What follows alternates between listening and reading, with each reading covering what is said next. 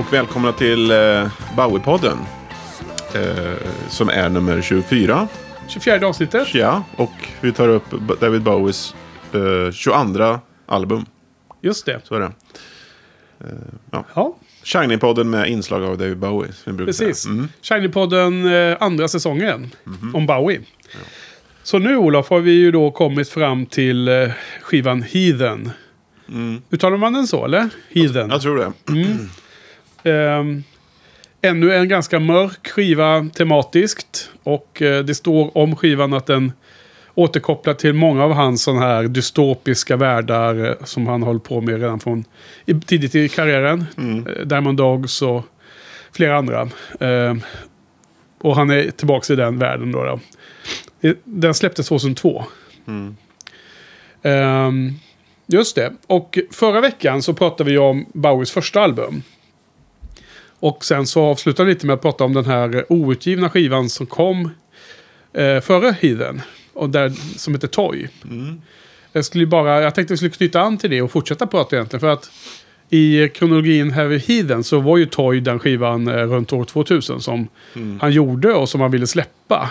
Eh, och det blev ju ingenting. Han, han var ju på ett skivbolag där. Vilket var det nu då? Eh, det som han lämnade i den vevan.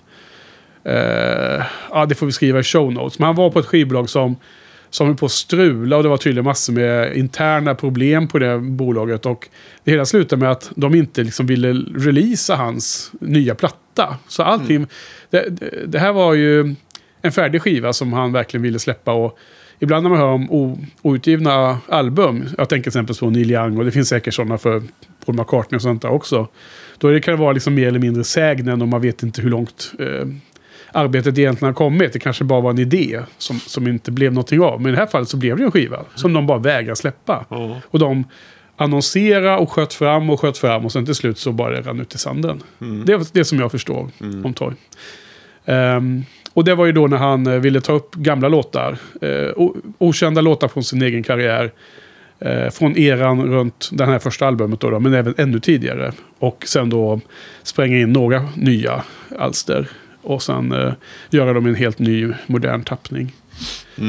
Så eh, det Men är ju... eh, kan det vara så att skivbolaget hade rätt? Den var, den var väl lite udda sådär va? Jag menar karriärsmässigt för honom hade det varit rätt att släppa en sådan skiva.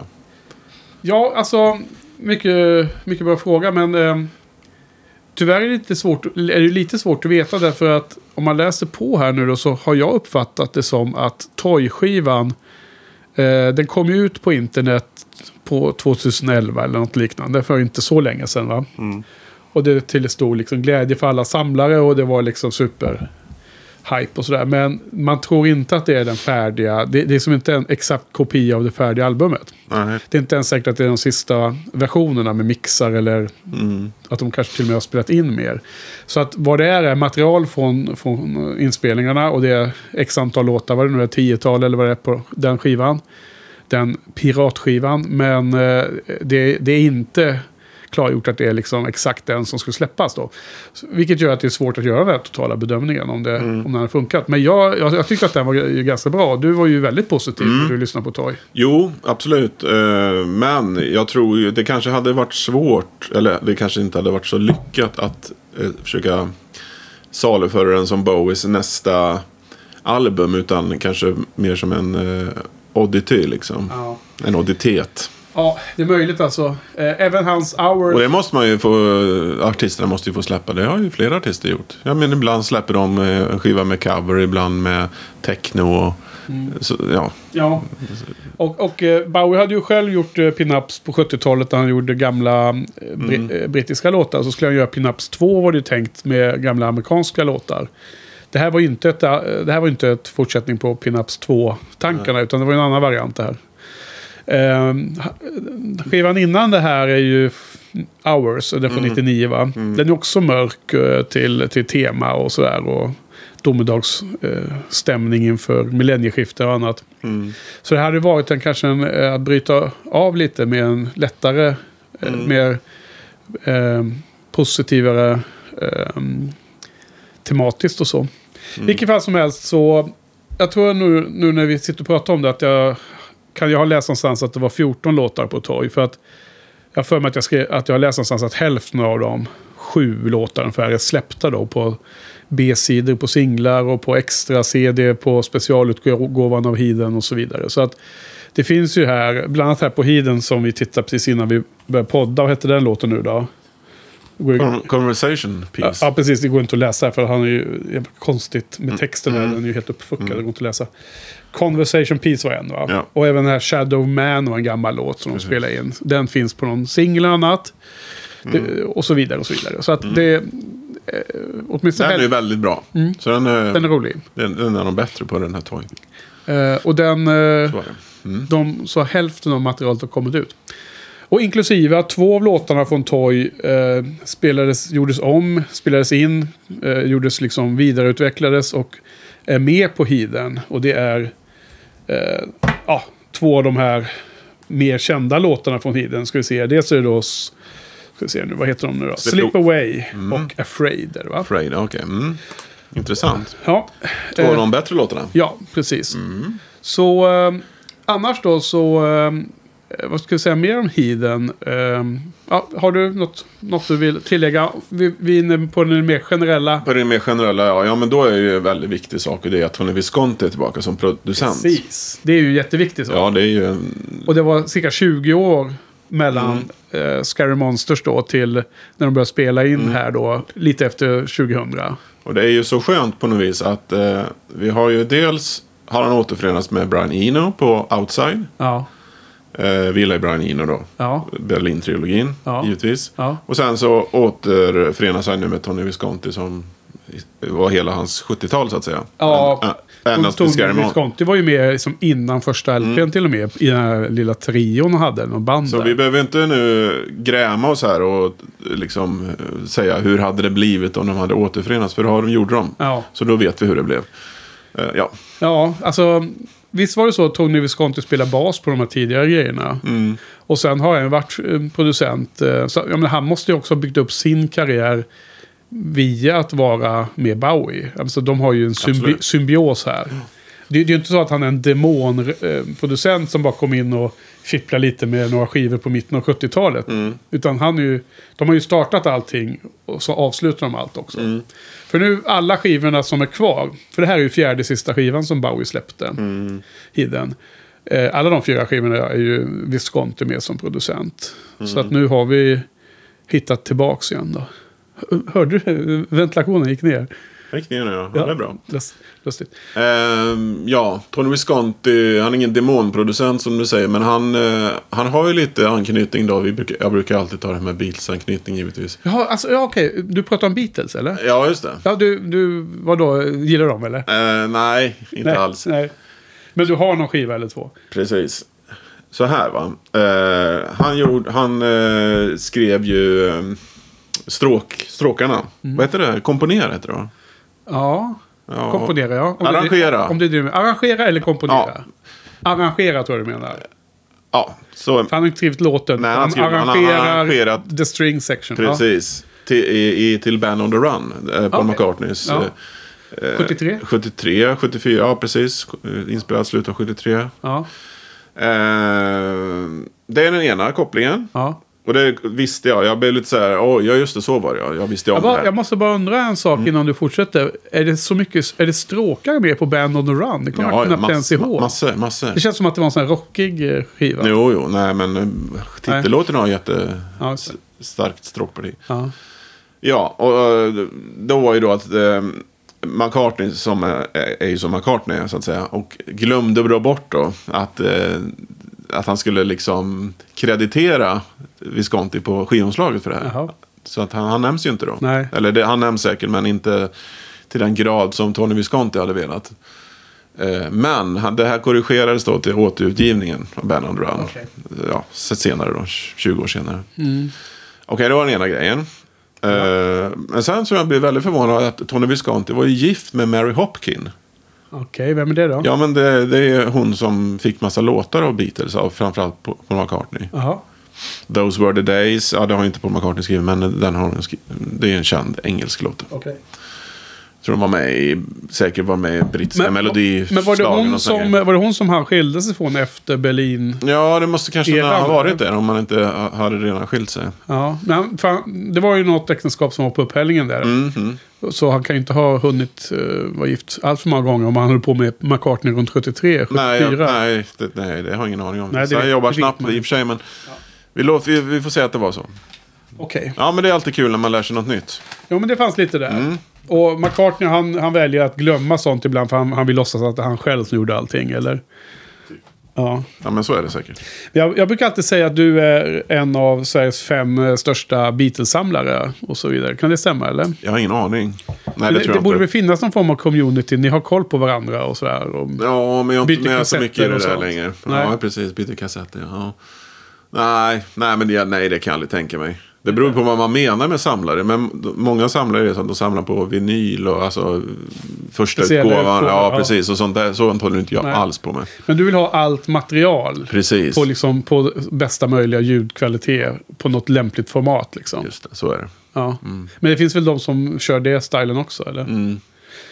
Och så finns det andra då som samlar på memorabilia. Ja, precis. Alltså t-shirts, foton, eh, Men det, är aldrig, badgers. det har väl aldrig intresserat dig och mig va?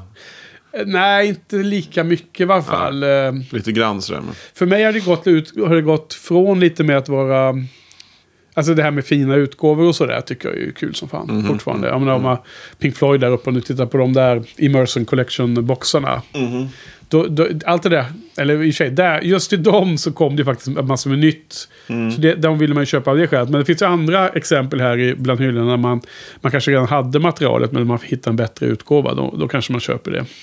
Så jag har lite den typen av samlarbeteende. Men du, jag vet inte om du är lika...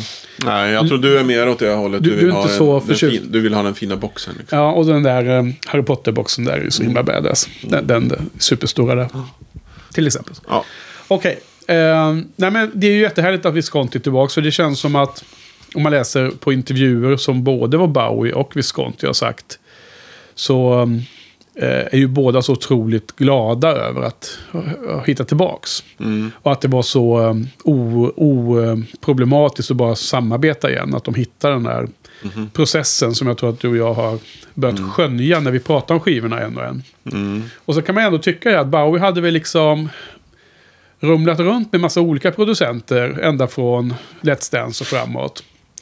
Och Ja. det känns alltid som att han, varje skiva han släpper så tycker han att det är det bästa han har gjort. Men sen väldigt kort tid efter alla dessa skivor så har han ju snabbt liksom tagit sin hand ifrån de här. Mm. Till och med Let's Dance har han ju tyckt liksom, att det, och Tonight och ja, men alla de här projekten känns det som att han, att han med ett visst perspektiv direkt inte riktigt tycker att det var lika bra längre helt Nej. enkelt. Och han pratar om det Phil Collins years och allt vad det kan vara. Mm. Eh, Men det här känns ju som att när, efter det här samarbetet och vidare så är det är inte så det låter då, utan då har de hittat hem igen då. Mm.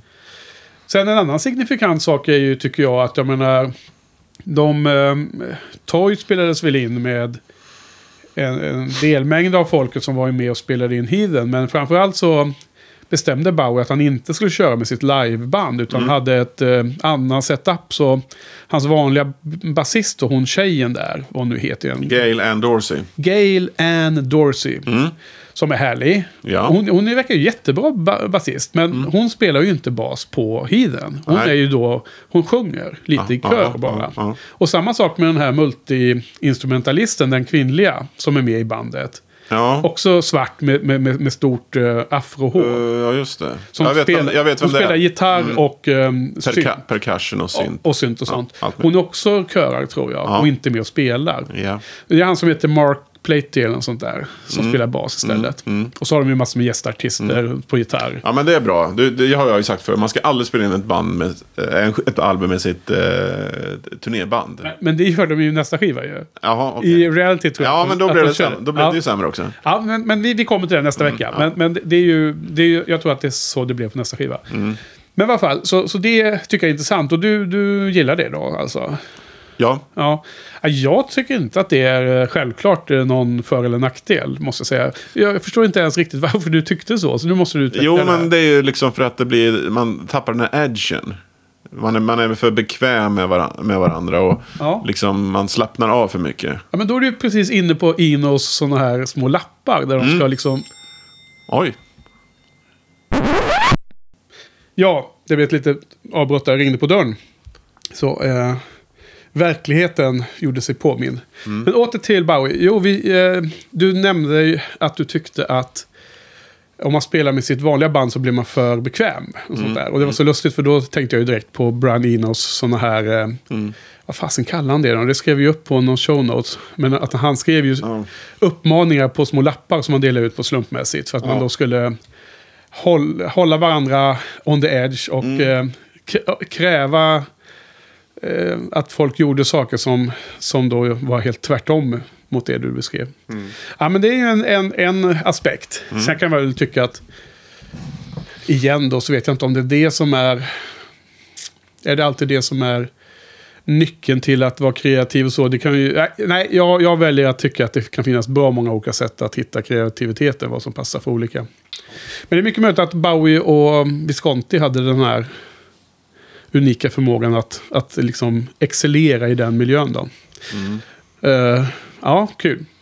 Men, eh, men, men det var någonting du, du tänkte ut nu i flykten, eller har du läst om det här också? Är det andra som har... Nej, men jag för mig har pratat om det här förut. Att jag har sagt det här en gång förut. Mm. För jag har tyckt det förut. Eh, inte bara med Bow, eller rätt sagt med McCartney. Ja. Han har ju spelat in ibland några LP Just det, men med hans turnéband. Liksom. Och det, det blir aldrig bra. Precis, vad vi har pratat om tidigare också är ju att, att um, sånt som McCartney och Lennon och jag tror att vi nämnde det i samband med att du eh, tyckte att Polis var dåliga och Sting. Eller rätt sagt, du undrar om Polis var lika dåliga som Sting. Och då, då var det liksom det här med att hålla varann ärliga, hålla varann rugged liksom. Och on the edge, att McCartney och Lennon var en perfekt kombination. Och, och jag sa nog att jag tyckte att Sting var mycket bättre i, när han spelade med sina polare i Polis. Jaha.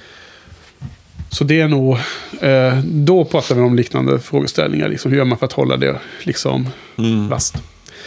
Um, en annan sak som jag snappade upp i, i boken där, Peg. ehm, att de faktiskt beskrev det här med att den fysiska miljön som skivorna spelades in i har betydelse. Att de, att de påverkar väldigt mycket av stämning och eh, eh, feelingen som de får och kanske också i Bowies textskrivande då. För här var det ju så att de skulle börja spela in i eh, New York i någon studio där. Men nu kommer jag inte ihåg hela bakgrundsstoryn, men någon bestämde att de skulle åka ut och pröva något stort jäkla hus uppe i bergen. Så det var något, något, eh, någon studio som hette, eh, vad hette de, Allure eller liknande. Vad står det? Allaire Studios. Ehm, på, eh, I bergen där i östra USA, vad de nu heter. Att det var något jättestort rum och superhögt i tak och stora fönster rakt ut över någon dal. Och att det gav liksom en, en eh, otroligt eh, speciell känsla att vara där i det fysiska rummet, i det huset, i den miljön. Eh, och att det då har så påverkat eh, den här eh, sköna stämningen som hela Heathen har. Då. Um, och de jämförde i den här artikeln i boken, eller i texten i boken om ja, men Berlin-inspelningarna och när man spelar in i, i Schweiz och så vidare. Så det är lite olika. Så, intressant. Eh, aspekt som vi inte har varit inne på så mycket tidigare. Ja. Eller vi, vi pratade om det lite när han kunde stå och blicka ut över muren i Berlin och sånt då förstås. Sen vad är det mer då? Jo men att... Eh, eh, filmens tema tänkte jag skulle prata lite om. Skivans tema. Mm. Ja, sa jag filmen? Ja, det sa filmen. Ja, sorry. Um, jag kanske i huvudet redan är inne i nästa säsong. jag vet. Nej, men uh, skivans teman. ehm, som jag försökte... Sam, det var liksom ingen som skrev det utskrivet så. utan Jag försökte sammanfatta genom att läsa på om skivan. Alltså det är väldigt mycket om åldrande och oro runt det. Eh, och det återkommer mycket till det att han är ungefär 55 tror jag runt den här skivan släpps. Och att han Ja. finner sig till rätta där i. Ehm, han, han, han, eh, han vill liksom dels inte bli liksom sedd som en sån som bara nojar om åldern som typ alla andra gör. Men han vill liksom, han vill ändå liksom få det i sin kontext att det har en betydelse. Så bland annat så gjorde de ju i princip inga musikvideos. För han tyckte att han var inte en ung 25-årig rock'n'roll-kille längre. Så att han kunde liksom inte konkurrera med de unga banden. Så att de gjorde Nej. inga musikvideos förutom att de släppte en låt i efterhand va, som en någon video. Ja, jag såg någon video. Slow burn. Ja, nej, det var inte den jag såg tror jag. Eh, Men man får ju vara lite vaksam när man går på YouTube för då kan det ju vara fans som har klippt Ja, egna precis. videos. Jag tror det var den här 515, The Angels Have Come. Men det, det var mer bara någon, nästan någon live-framträdande ändå. Men det var någonting tror jag. Ja, men jag tror inte att den är eh, officiell. Nej, nej. Eh, Ja, det var i och för sig inget speciellt sådär. Så Nej, utan han gjorde en för Slow Burn som är i svartvit i den videon. Och Bowie står inne i en sån här studio man sjunger i. Det lilla rummet som man står i. Och har typ vit, vita kläder på sig. Och sen är det ett litet barn som syns i videon lite så här då och då. Ehm, så, så den är gjord i efterhand och den släpptes på uh, Bowie Net, eh, alltså många år efter, typ tio år efter den här skivan kom ut. Eh, för det andra, nu läser du någonting, är det något spännande där? nej, nej, nej. Jag bara försöker läsa vad jag själv har skrivit. Ja, det är hieroglyfer där du skriver. Det andra som jag tror påverkar honom mycket och som, som också har påverkat hur skivan blev är ju att han fick ju en dotter där år 2000. Och att det fanns oro runt det där med att bli förälder och han ville liksom bli en bättre och mer närvarande far än han hade varit för Vad heter nu dottern? Alex? Nej? Alexandria. Ja, någonting. Alex. Mm, Eh, Lexi tror jag han kallar henne. just det, så var det. Mm, Eh, jo, men han hade ju sonen där från mycket tidigare. När, när föddes sonen? 70 någonting va? ja. Och ehm, ehm, som heter eh, Duncan. Duncan Jones. Jones. eh, Som kallades för Zoe när han var liten va? Som han fick med Angela. Och han var ju borta mycket där. Han var, han var på turnéer och han var hög och så här. Han var, hur var det? Hela 1975 försvann i eh, kokainrus eller hur var det?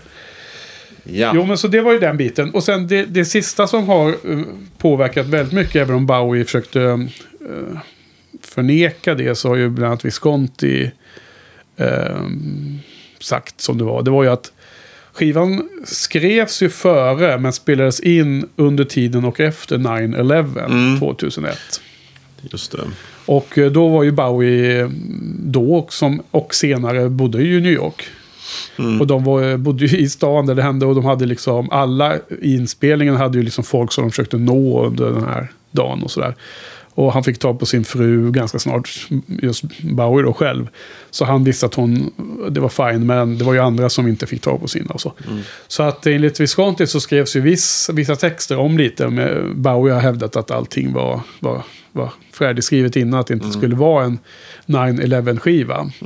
Utan att han mer skrev om eh, att han tyckte att det var, en allmän oro i, i stan, i själva känslan innan ändå. Liksom. Så att det, Därför är det väldigt många som har tolkat skivan som att vara en direkt svar på 9-11 ju. Det här är en allmän fråga. För jag tycker, eh, dels det här då med att han nekar att det är 9-11. Och sen så är ju även det här, hans sista skiva sen. Att han, texterna där skulle vara som en föraning om hans egen död. Ja, men... Det, ja, har man, det också förnekas. Nej. Jo. Av, har- av vem då? Eh, ja, men att de skulle vara, de skulle vara inspelade långt innan och allting sånt där. Ja, men det är ju ett faktum väl? Att vadå? Eh, Alltså, om vi tar den sista Ja, skivan, Black Star. Mm. Den var ju färdig, låg på hyllan. Den var färdig ett år innan han dog. Och sen så släppte de den när, när han började närma sig de sista dagarna. Mm, ja, ja. Men okej.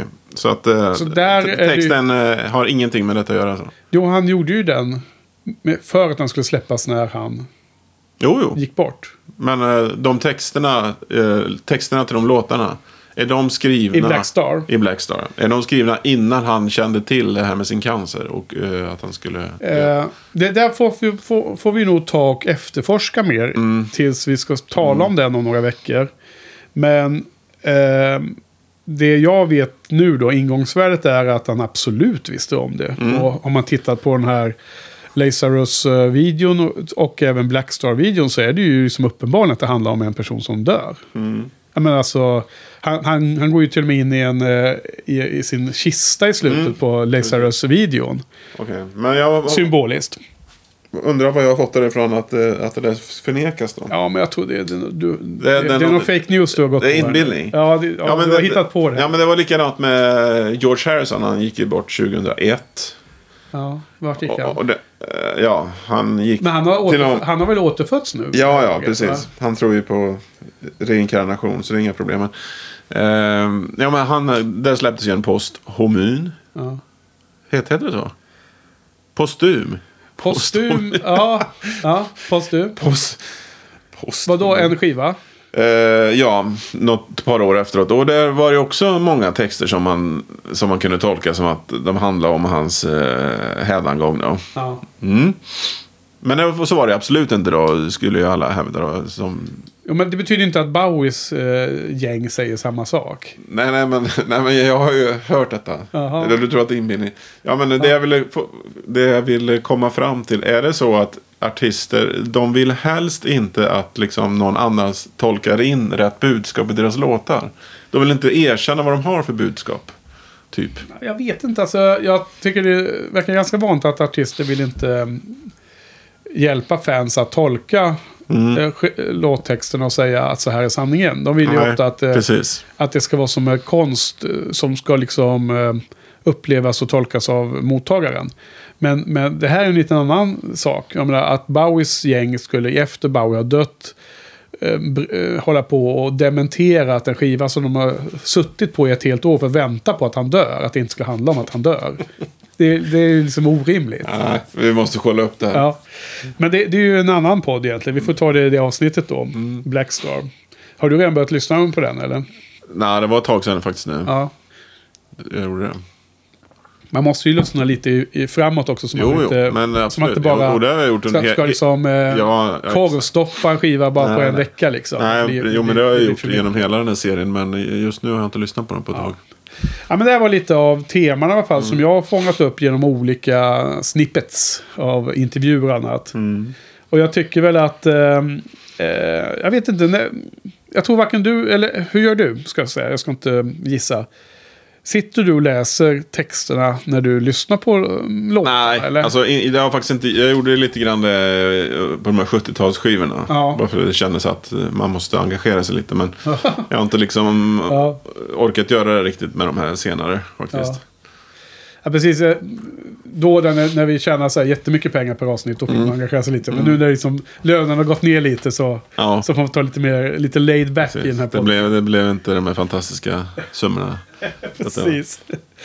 Reklamintäkterna liksom det flödar här i början, men nu är det inte så mycket kvar. Mm. Så Eh, jag vet inte ens om eh, eh, det finns någon cover på den här skivan. Finns det det? Ja, Okej. och vi- tre. Mm. Tre? Herregud. Vilka kan det vara? Ja, eh, Cactus eller? ja, Ja, Okej. det är en Pixies-låt. Jaha. Det, de är något ösigt eh, punkband, va? Är de inte det? Mm. Eh, vi kan börja med de tre covers. Ja, börja med Och det är låt nummer två. Cactus, Cactus. ja. Jag tycker den är en bra ösig låt. Ja, Den är 3 av 5. ja precis. Ja. Mm. Eh, den, Det var den, synd att det var en cover då. det är synd att det är en cover, ja, men Ja. den är liksom ganska bra ösig. Sen är det då en, två, tre, fyra, fem. Sjätte låten är ju I've been waiting for you. Skriven av Neil Young.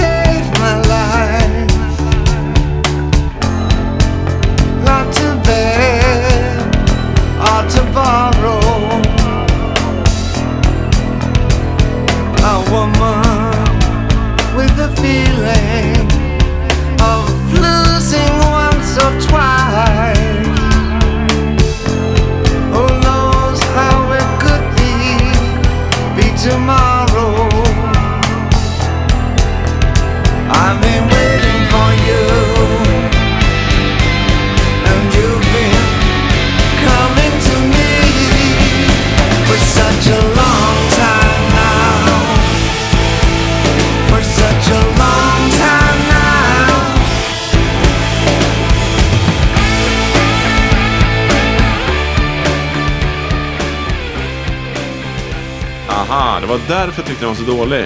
Nej, jag tycker den är jättebra. Såklart. Det är ju Neil. Ja. Fyra av fem. Nej, nej. Du gillar inte den? nej.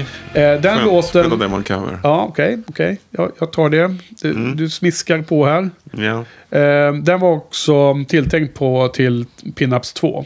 Så det var en av de låtarna som har. Ja, ram- det, det, nu vet jag. Nu jag. ramlat in. För att Ja. flera av de här skivorna här nu, de fyra som återstår, så- eh, kanske inte de allra sista, men den här och nästa tror jag Mm, finns sådana.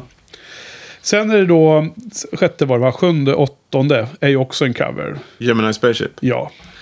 I took a trip on a Gemini Aj, aj, spaceship. aj.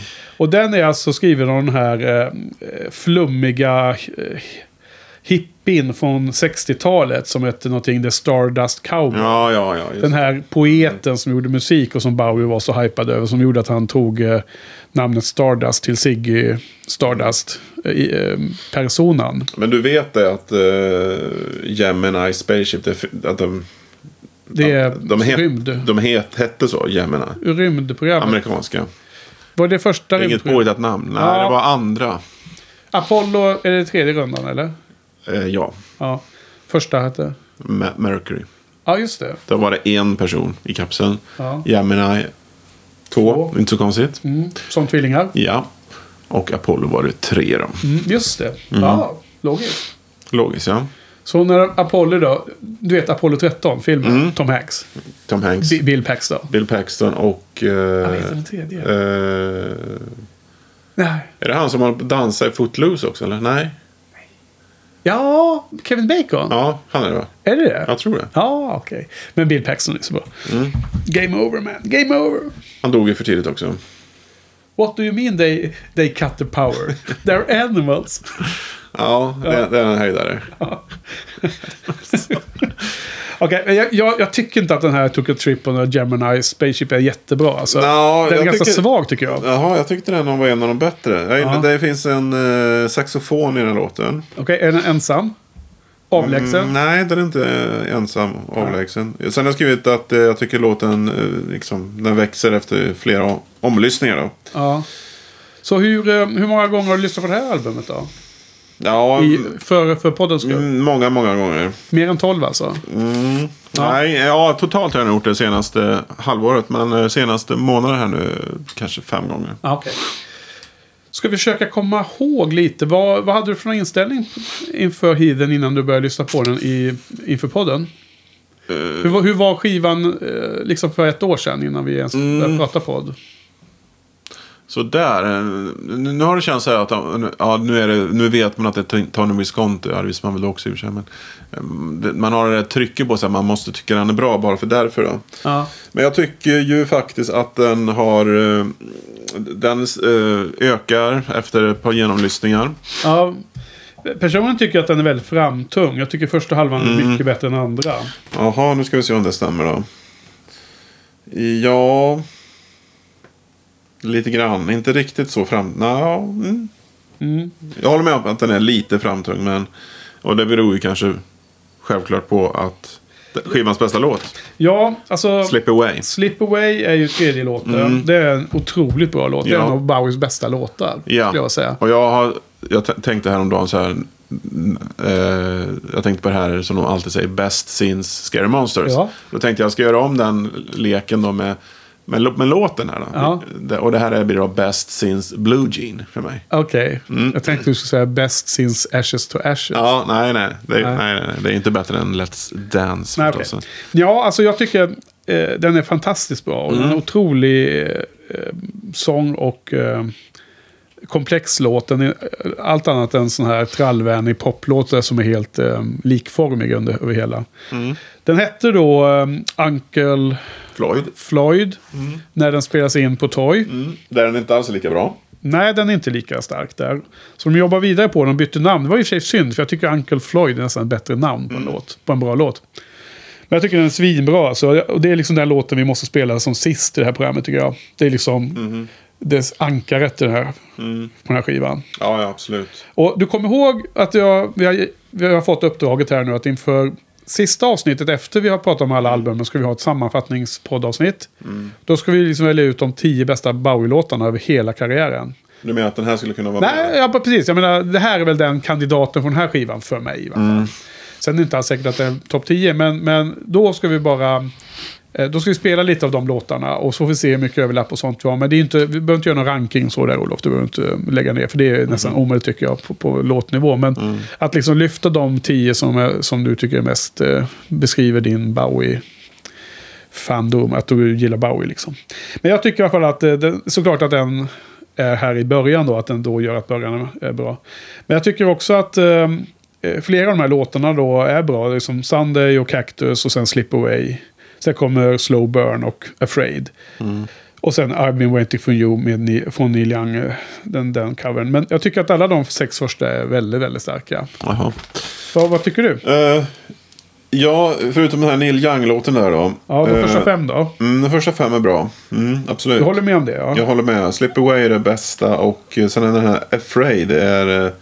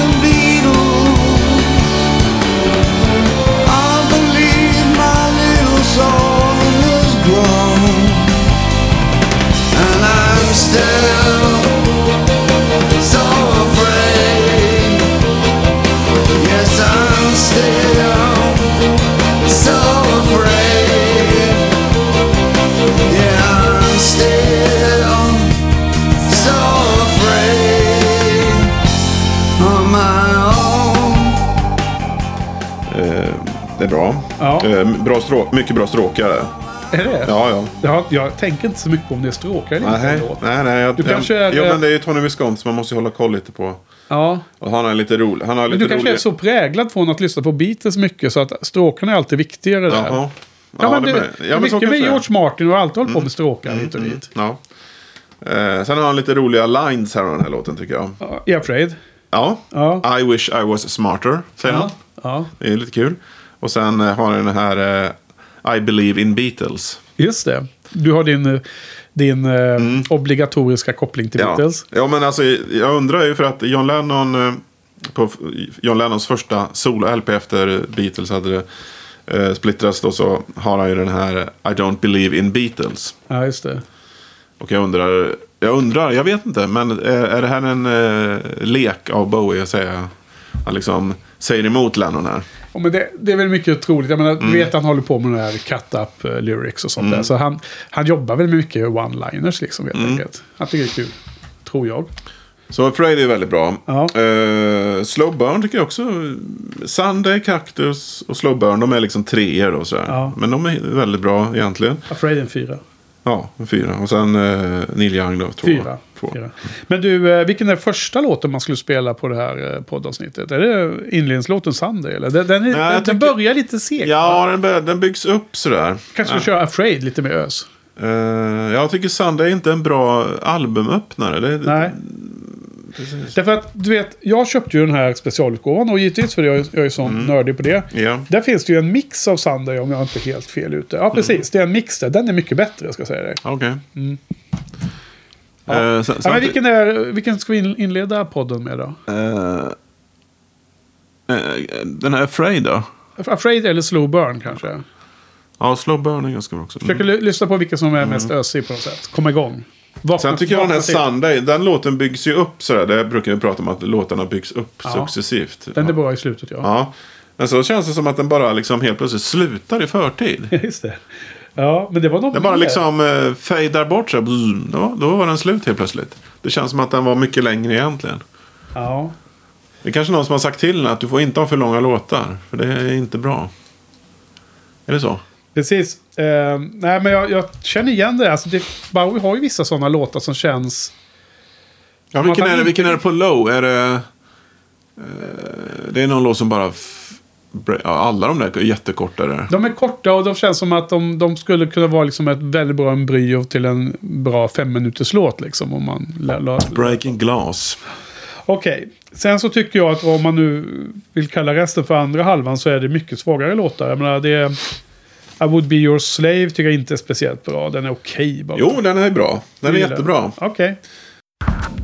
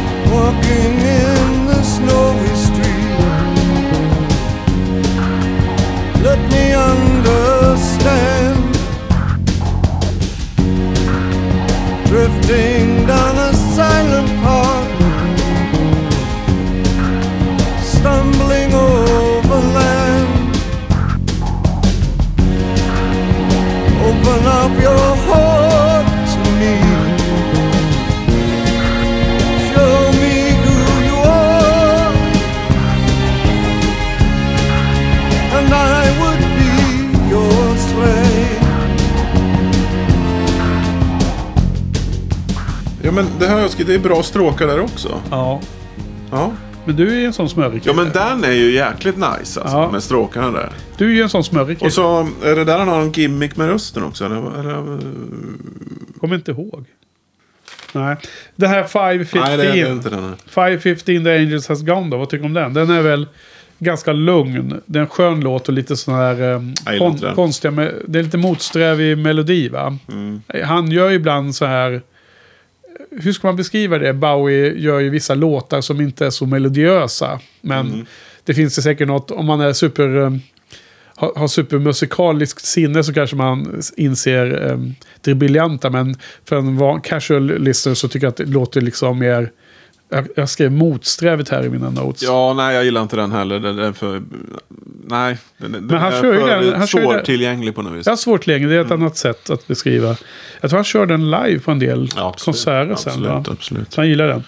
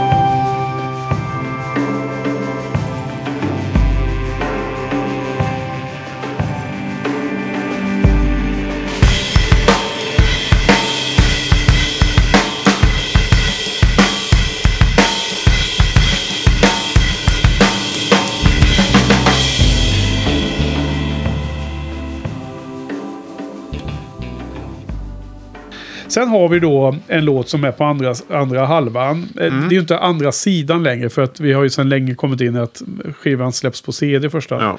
Men här kommer en sån här trallvänlig poplåt som heter Everyone Says Mm. Hi. Ja. Och jag utgår från att du gillar att det är en 5 av 5. Nej, det, det är inte fem av fem, men det är fyra av fem. Därför att det är ju så himla mycket Paul McCartney-stil över den. Ja, ja. Det är hans Paul McCartney years.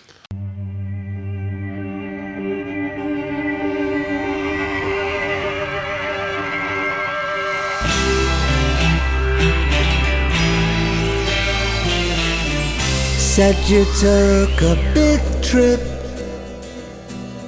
They said you moved away. Happened oh so quietly. They say.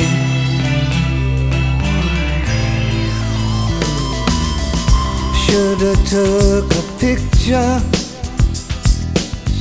Something I could keep.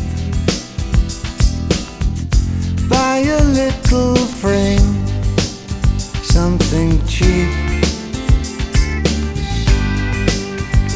for you. Everyone says hi.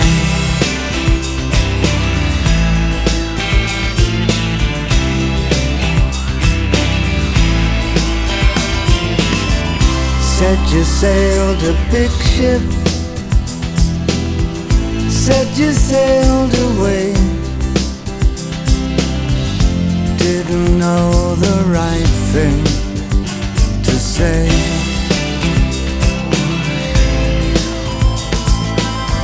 I'd love to get a letter. Like to know what's what. Hope the weather's good and it's not too hot. For you. Everyone says hi. Everyone Jaha. In, inte positiv omdömning. Nej, nej. Men Omdöme. alltså, har du, är det något du har hittat på själv? eller jag har hittat på det helt själv. Jaha, okej. Jag menar, han eh, väljer att kalla det för The Phil Collins year när han Mm, pratar om lite så här smörigt, eh, poppigt som, som riktar sig till... Nej, men det, det, Medelålders. det är nog lite Beatles över den kanske. Jag tycker den är ganska trist måste jag säga. Jaha. Den ger inte speciellt mycket. Nej, nej.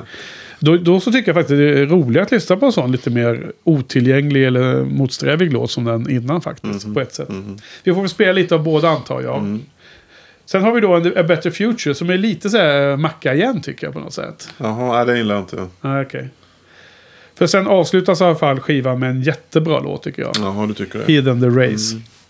Den är ganska lång och den blir bara bättre och bättre under hela spelet. Spelning, Mm. Den är, speltiden. den är okej, men inte en av de bättre låtarna. Nej, okej. Ja, det var en snabb genomgång det här. Mm. Eh, Det var ju ett tag sedan vi höll på och gick igenom låt för låt sådär. Eh, Men eh, vad kan man säga om helheten då? För mig är det liksom första sex och sen är det kanske 12, nej vad är det, 14 låtar ungefär. Eh, Jag tycker det är en bra början. Sen så är det liksom lite mer blandad kompott där på andra Mm. halvan. Eh, Och, eh, men jag tycker ändå att skivan hålls ihop. Den, ganska, den har ganska tight känsla. Det, det känns som att det är ett album. Det känns som att det hänger ihop. Mm. Det, det känns inte som att det är en Tonight-skiva där de bara kastar in massor med olika Mm. stilar och olika låtar, lite huller och buller och så blev det en ett album. Nej, jag, jag håller med och eh, det har någon form av kvalitetskänsla på något vis tycker jag. Ja, Eh, vilket alltid är, ja, men det är bra genomarbetat så att säga. Inte något bara som de har slafsat ihop snabbt sådär. det här, den här feelingen som de fick av att spela in i det här fantastiska huset uppe i bergen. Mm. Vad, eh, hur tror du att det har kommit in i hur skivan blev? Kan man liksom höra det på något sätt? Eller kan man få en känsla för vad, vad som adderades där? Nej, alltså det vet jag inte. Det, det blir bara spekulationer i så fall. Och det är klart, vi kan ägna oss åt spekulationer, det har vi gjort många gånger, men... Nej, jag vet faktiskt inte. Nej. Nej, alltså... Kanske det kan bli som du är inne på, att det blir någon form av eh, jag säga, homogent sound på något vis. Ja. För samtidigt måste man också akta sig för att bara tänka sig att nu är Visconti med igen och då är allt bra. Så att man liksom, man, man lurar sig själv lite. Jag, jag tror inte att man har gjort det nu. Jag, jag, jag känner att den här skivan känns ju bra mycket bättre än Hours. Ja, absolut. Det är ett, det är ett stort fall framåt. Ja. Det är ingen snack om den saken. Ja. Ehm, så, kan bara nämna då om nästa skiva att det faktiskt kommenterades ganska tydligt i Pegs bok att eh, för reality spelades in bara ett år efter. Helt plötsligt gjorde han ju ett år per, eller en skiva per år där, två år i rad. Och där spelade de in det i New York i en ganska liten studio. Ganska eh, tight. Eh, eh, livebandet live i studion mycket mer fick jag en känsla av. Och en liten studio istället för superproducerat och sånt där. Eh, och jag, jag säger det nu bara Olof, därför att så jag inte glömmer det till nästa, nästa poddning. Eh, men att då fick de mycket mer rough eh, feeling och det var ju mycket mer New York-pulsen som fick påverka skivinspelningen. Medan här var ju ute i naturen och avlägset. Eh, jag tror också att om vi åter då till Hiden, just för att, från den avstickaren, att det, det här med beroende till vilken miljö de spelar in i. Men åter till den här, det här huset och den här stora, jag tror att de använde matsalen eh, till inspelningsställen som var jättehögt. Då, det här, Med utsikten och så. Då. Ja. Och att de också körde med den här, kommer du ihåg att eh, eh, Visconti höll på med det här eh, trixet med Heroes. När han ställer tre mickar på olika avstånd. Och, och, och, och ställer inställningar när micken börjar spela in efter ljudvolym. Så att eh, om man sjöng hårdare och hårdare så blir det fler mickar som sätts på och tar upp ljud och så har de en liten fördröjning då. Så den, den där typen av saker håller de på att fippla med då. Och Bowie spelar ju jättemånga instrument nu igen också, vilket är lustigt. Tänk på Tonight när han, Ja, ja, han spelar bra. inga instrument va? Eh, hur, var, hur, hur lång tid tog den här eh, skivan att spela in då? För den, han brukar ju vara väldigt snabb. Nej men alltså, jag fick en känsla av att det tog lite längre tid för att han eh, fick ju barn och det där. Och det var en sån här, någon break mitt Men det i. kanske inte blev, alltså det här med de här två tre veckors albumen, det, blir, det, det förekommer kanske inte Nej, men det verkar som att de är tillbaka till att de kommer in med mer eller mindre preparerade demos. Den här gången hade han ju demos, verkar det som. Sen så spelar de in med det här rytmsektionen av bandet. Alltså bas, trummor, gitarr, synt. Så. Sen så går han och Visconti och gör klart skivan. Och då låter de flyga in då gästartister så- på gitarr och så. Jag tror Peter Townshend är väl med igen. Ja, och Carlos Alomar också. Carlos Alomar var ju med som, som gäst och så. så. De kör olika solon då. då och ehm, och de, de, de sitter och gör klart det där. Så det är olika faser. Eh, och jag tror att det här tog mycket längre tid för att de hade ett break mitt i för att han fick barnet. Eh, så då blir det en naturlig break. Och, eh, och så. Och sen läste jag också någonting om att han hade tydligen fått den där eh, synthesizer in a, in, a, in a suitcase, eller vad det hette, från Brian Eno. Som de använde på 70-talet. Så att han satt och spelade den också tydligen på den här inspelningen. För det hade tydligen Bowie fått då vid något tillfälle. Det var som en memento kanske. Okej, nej men... Ja. Ja. Nej men... Eh, ja, det är en härlig skiva. Ja, det tycker jag nog. Vi, det måste vi nog eh, Men titta på rätt skriva här nu. Alltså, Ja. det, var, det stod mycket text om det här omslaget. Ja, För att det hade varit någon sån här hypad fotosession på hans fru, Iman hette hon va? Iman, ja. Ja, och då hade Bowie fiskat upp den fotografen då som har fått göra alla dessa fantastiska bilder på Hidden eh, Booklet och i omslaget och allting. Och det var, någon, eh, det var någon story om det. Jag tycker inte att de är så superfantastiska. Får jag, får jag kolla på skivan också? Medan du blädd- bläddrar där. Alltså, Ja. Den här bilden tycker jag på omslaget, framsidan på CDn Olof. Som vi för övrigt lägger upp den bilden på show notes. Eh, eh, på show notes på shiningpodden.se och så går ni in på det här avsnitt, eh, avsnittet och kollar. Eh, Det är ju en ganska så här, äcklig bild. Efterbehandlad. Eh, det är Bowie. Eh, och sen är den liksom typ förvrängd och hans ögon är gjorda så han ser ut som en sån här alien igen. Det här är så jäkla irriterande tycker jag. Nu har man försökt vara lite så här arty här då. Och Ja. alla text då är överstruken. Ja, det var därför jag inte kunde läsa. Det går inte att läsa. Tidigare. Jag sitter här med mina lä- läsglasögon. Mm. Dyrt inköpta på Willys. Ja. Det går ju liksom inte att läsa den här lilla texten. Varför gör de så Och sen är för? den överstruken också. Dave Grohl är med här också ser jag. Hur ja, just det. Var inte han, med på, var inte han med på Neil Young-låten till och med? Eh, jo, Kanske just det. ihop. Jo, jo, jo. Nej, han är där. Pete Townsend och... Ja. Nej, men vad, vad tycker du om omslaget? Nej, jag gillar inte de här svartvita. Jag vill ha klatschiga färgomslag alla Tonight och Never Let Me Down. Ja, men just det. Var du som definierade hur bra ett omslag var efter hur, hur många färger det var. Ja, precis. Det är ganska uh, simpligt. Men det är ganska många eh, kristna motiv här. De har, man har keruber. Ja, du vet keruber, vet vad det är va? Nej. Nej, men det är såna små änglar då. Ja, tjocka snubbar. Ja, och mycket sånt där. eh, Ja, lite... Kan man se oron för döden? Kan man se glädjen för, från dottern? Eh, Oron ser- för döden kan man nog se. Och sen att eh, de bombade i eh, New York kan man se det också. Det vet jag inte. Här, men här ser man ju. Här sitter han och håller sitt eh, krucifix här. Ja. Ja.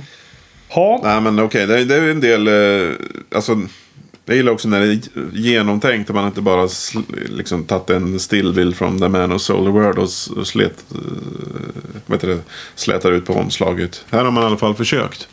Det var säkert väldigt dyrt att göra det här. Så, du ska också komma ihåg det till avslutningsavsnittet så ska vi lista våra fem favoritomslag. Mm.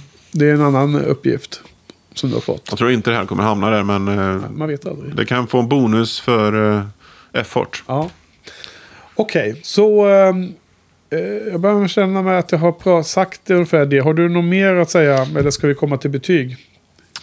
Eh, hur lång är skivan? Det har inte jag noterat. Ja, det har jag skrivit här. Den är 52 minuter. Ja, Okej. Jag tänkte på det här 40 minuters grejen vi Ja, brukar jag har inte känt behov av det för den här skivan. Nej, jag tycker den är ganska okej. Eh, liksom, det är ingen sån här låt som...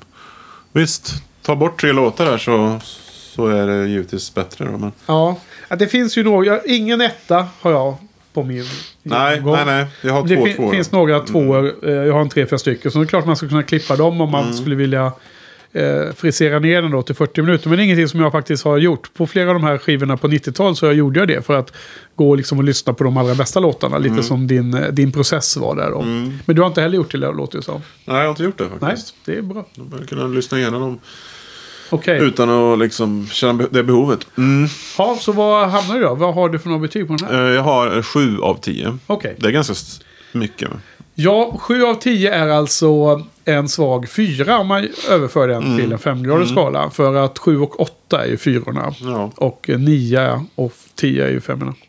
Jag har det här 6 av 10. Mm. En stark 3 skulle jag säga. Och eh, det lät väl lite som att du hade något, något fler låtar som du tyckte var Mm. lite snäppet bättre än jag. Så att det låter väl rimligt då. Sen får vi väl se då. Den, den tredje och sista uppgiften till eh, avslutningsavsnittet när vi ska sammanfatta hela. Det är ju då topplistan av rankade album. Där har vi hela den grejen. Men det blir ju samma sak som vi gjorde när det var halvtidstestet. Att man bara tar magkänsla och skiter i vilka betyg man satte. Bra, Nej, men eh, det var Hiden där. Jag tyckte ändå att det var vagt bättre än vad jag hade förväntat mig. Ja, helt, klart fram ett fall framåt. Ja. Från Hours. Jo, stort fall för Ja. eh, För jag för mig att jag gav den i eh, runt en tvåa om man skulle sätta på femgradig skala. Mm. Alltså fyra eller något sånt där. ja. Fem. Nej, fem kan det inte vara. Skitsamma. Fyra. Och nu är ju han eh, Reeves Gabrels bort också. ja, det, Det, det, det, det är ganska bra. Ja, just det. Ja. Det är för det är Även om gitarrljudet. han som person säkert är helt eh, Han är säkert superfin. Mm. Men, Men, men, eh, men eh, han vi har, fa- han, vi har, tyckte att han var för stor. Ja, han, han hade overstayed his welcome kanske. Precis, men så, nu hamnar han ju i The Cure istället då. Ja. Mm. Så där får man höra på honom där istället. Men kanske gitarrliret passar in bättre. Plus att eh, Robert Smith spelar ju alltid gitarr. Så att det döljs lite. Okej, nej men eh, det, är, det är fine. Jag tyckte att den var, den bra. Det, det är lite det att eh, fram till den här skivan, ungefär efter det här 2002 så gjorde jag någon bäst av... eh, Alltså jag brände en egen CD som blev en dubbel-CD med mina favorit Bowie-låtar. Och då hade jag ju med den här Slip Away då. Så att på något sätt har jag alltid vetat att den här skivan har den här bra låten. För den har liksom återkommit till mina... Vet om man har, har den där skivan i, i eh, sin iPod eller iPhone och sen i bilen och sånt där. Mm. har spelat den. Så då har jag liksom haft en komprimerad eh, eh, minisamling av bra Bowie-låtar. Så att, så att eh, jag har alltid liksom tänkt på Hiden som den där skivan med, med den bra låten. Så att det har alltid varit eh, mycket medveten om det. Medan nästa veckas skiva, Reality, har jag liksom ingen låt med på från, på ett sånt läge. Och jag känner mig nästan helt blank faktiskt av den skivan. Jag, Det är konstigt alltså. Jag, jag har ju den och så och haft den länge, men det känns som att jag liksom nästan inte har lyssnat på den skivan faktiskt. Jag, Lite de här två skivorna, Hiden och Reality, smälter ihop på något vis. Ja. grann. Men... Eh, Mm. Okej, så, så du, du har, eller vad, hade du, vad har du för någon eh, förväntning inför nästa vecka då? Mm. Reality, hur, hur, så, hur ser- ser du på den innan du har lyssnat på den? Om du tänker tillbaks. Nej, men jag, som jag säger, jag, kan, jag, har väl, jag har ganska svårt att hålla isär dem sådär. eh, Nu, nu, nu kan jag göra det eftersom jag lyssnar på dem liksom, Ja, så mycket. lite nu. kontinuerligt. Ja, ja, precis. Men innan det så, så trodde jag liksom att den låten var med på reality. Nej, den var med på Heathen visade det sig. Och Okej, att lite de, som de mellan liksom, Low och eh, Heroes då nästan. Ja, jag vet inte. Alltså, vi, Low Heroes kan man ju hålla isär givetvis. Ja, nu ja. Ja, ja men det har man... Ja, okej. ja. Ja, Nej, men- innan vi poddade om det så var jag nog lite suddig Jaså? på vissa låtar. Jaha, jaha. De, ja, I alla fall de minsta som jag talar Men det, det kanske är annorlunda läge. Mm. Ja, men vilket fall som helst, så, i och med att han åkte ut på en turné, stor turné, 2003-2004. Han släppte Mm. skivan och sen... Och de gjorde ju reality tror jag mycket för att de skulle åka på en stor turné. Det var ju Mm. som planerat. Han var sugen igen. Han hade gjort de här Summer Tour 2000. Och han hade gjort lite olika inhopp här och där. Och var väl sugen liksom på att de hade någon stor konsert när han fyllde 50 i Madison Square Garden och allt det där va. Och så han skulle ut på en stor turné igen. Och då gjorde de den här skivan och så drog de ut. Och då har man ju liksom hört den, eh, dels den här eh, Reality Tour, DVDn. Och det finns ju med eh, medföljande live-CD. Mm. Och då, då spelar de ju både Hidden och Reality på den turnén. Ganska Mm. mycket, eller hur? Så det är klart att man blandar ihop dem. Men eh, han gjorde ju en del eh, konserter 2002 också. när Han spelade hela Heathen och framförallt Ja. spelade hela Low också. Just det. Som jag pratade om Så du pratar om det. Så det, att, det eh, fanns på extremt dålig kvalitet, men jag... Det finns på bra också. Så att, eh, Jo, men eh, jag försöker hitta det bästa på YouTube. Jag Mm. klippte en, in någon i de show notes på Loadan. mm. Vilket var lustigt nog att han spelade från den som jag hittade från år 2002. Och det är mycket möjligt att jag har tagit fel då, men han körde faktiskt alla låtar utom en har jag för mig. Ja, men det, precis. Det var så ibland. Ja. Men, på vissa, men på andra konserter så spelar han alla. Ja, okej. Då skulle man ha hittat en sån då. Men eh, det, var- jag tror det är inte så jättemånga konserter utan kanske fem, sex stycken. Så. Okej, okej. Men ändå ganska okej tycker jag. Ja. Fem, sex versioner av Low. Ja, precis. Det är okej. Men i alla fall. Eh, Mm. så vi kommer till reality, men där är en stor turné efteråt i alla fall. Och det blev ju hans sista tu- turné då. Så att han eh, fick ju hjärtinfarkt va. Mm. Någon form av, eh, ja, vad det nu var. Någon form av hjärtinfarkt eller någon form av eh, blockad i någon stor eh, ledning i kroppen. Så han föll ju ner nästan som död. Och sen var det väl ingen mer efter det. Nej. i princip. Så att, och vi var ju på den turnén Mm. också. Så att, ehm, Globen, för, precis. för mig så var det ju lite att de här två skivorna var klumpade ihop i tiden där, så inte så konstigt. Mm. Ja, men då får vi väl se fram emot nästa vecka då, och prata om reality. Mm. Och, ehm, och då är det, nu är det bara tre album kvar, Olof. Ja. Nu är vi närmast oss, oss nu. Vi har ju ändå kommit ganska långt på den här resan. Mm. Men det är en del kvar. Ja, Viktiga album kvar. Ja, riktiga album. Vi ska Vi, inte... viktiga. Riktiga. Ri- viktiga och Ja, riktiga. Mm. Viktiga album och Visconti med hela vägen nu. Så nu, kan vi, nu har vi någon att hålla handen. Ja, Så nu känns det härligt och mysigt. Nu går vi vidare. Vi vänder blad. ja. Okej. Så Är vi klara för idag? Det är vi. Ja, tack Olof. Tack själv, Henrik. Tack Jos. Ja. Tack publiken. Vi hörs.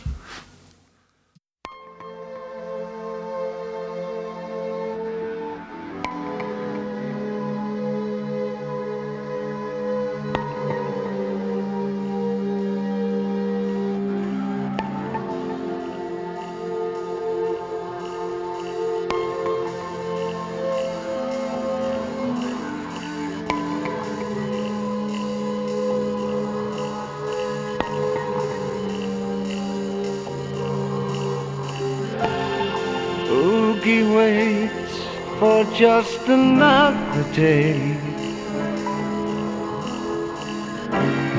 Drags his bones to see the Yankees play. Bones by tops and flickers grey. Oh, they slip away.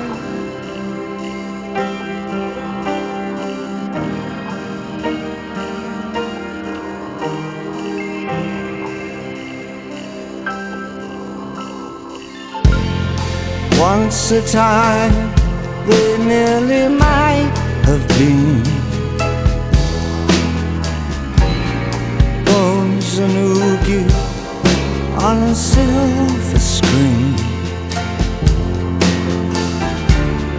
No one knew what they could do except for me and you they slip away.